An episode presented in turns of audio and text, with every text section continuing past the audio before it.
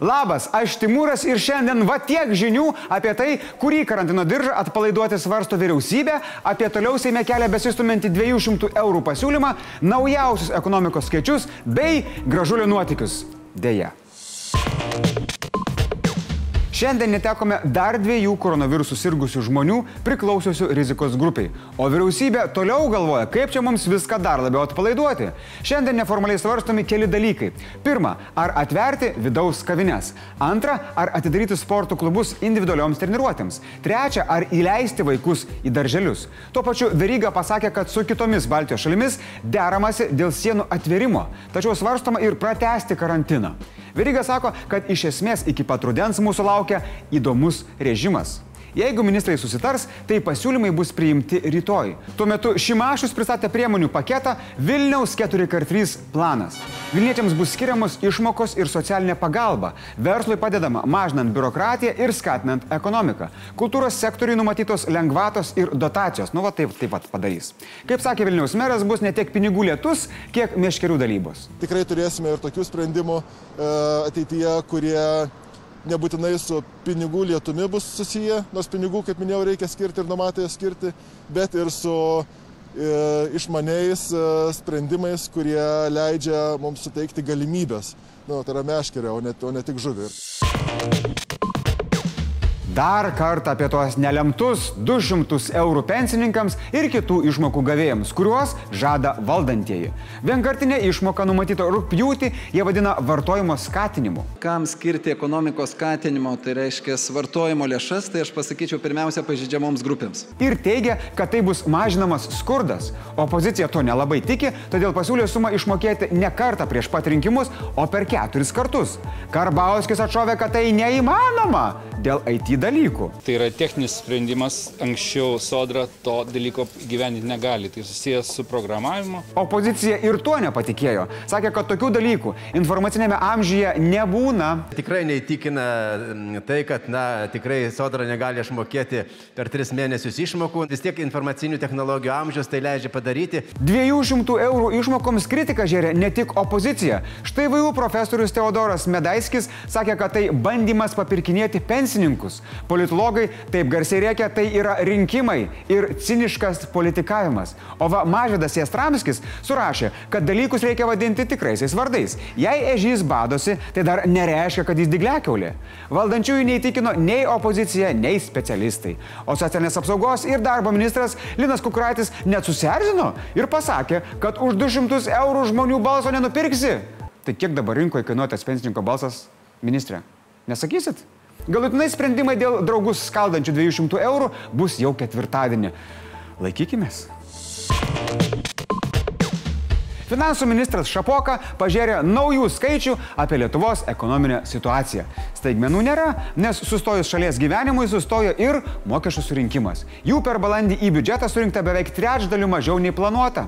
Anot ministro, vasara bus dar blogesnė ir valstybės biudžetas toliau badaus. Sir, I want some more.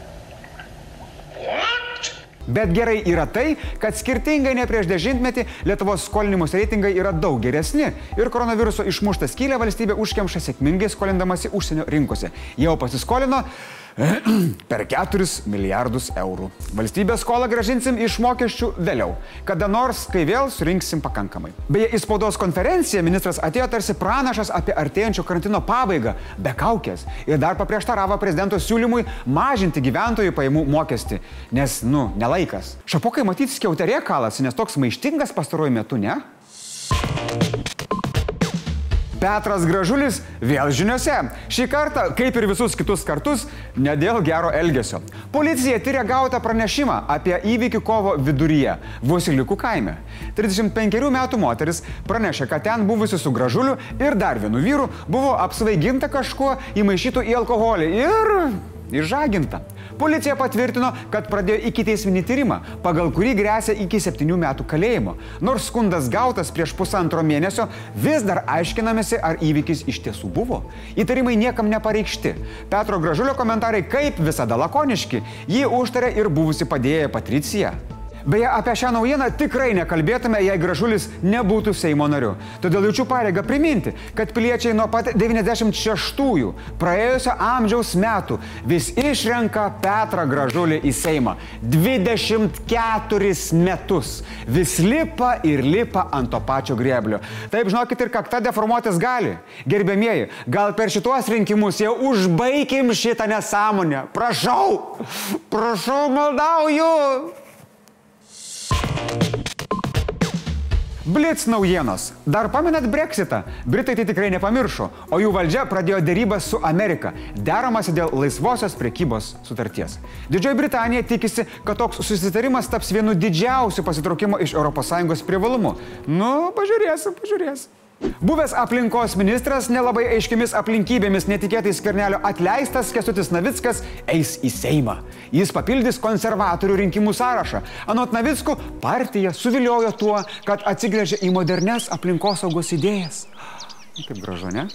Seimas patvirtino naują valdžios darbų prižiūrėtoją, o valdiškai sakant, valstybės kontrolierių. Jo tapo tarnyboje pavaduotojų dirbęs Macijauskas. Mindaugas Macijauskas, ne Arvidas, nu bet vis tiek linkim sėkmės aikšteliai. Pastarosius metus su sunkumais dėl vizų susidūrusi misija Sibiras šiemet neįvyks dėl, nu, dėl ko kito, dėl koronaviruso. Gaila, bet bus ruošiamasi kitiems metams. Tai matyt bus tokia grand misija Sibiras, ne? Pabaigai linksmesnė žinia. Bus sukurtas naujas žvaigždžių karų filmas. Kada jis pasirodys, dar nežinia, bet paskelbta, kad filmą režisuos Naujosios Zelandijos kino kuriejas Taika Vaititi, kuriam turim būti dėkingi už Marvel hitą Toras Ragnarokas bei Oscarą pelniusią satyrinę komediją apie nacius Zuikius Džodžio. Vo taip va bus.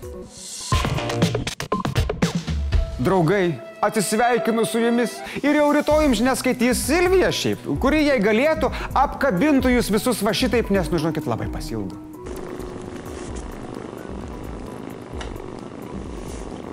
Nu ką, aš lėkiu deklaruoti pajamų ir skirti savo procento laisvės TV. Tad iki kitos savaitės ir viskas. Tiek žinių.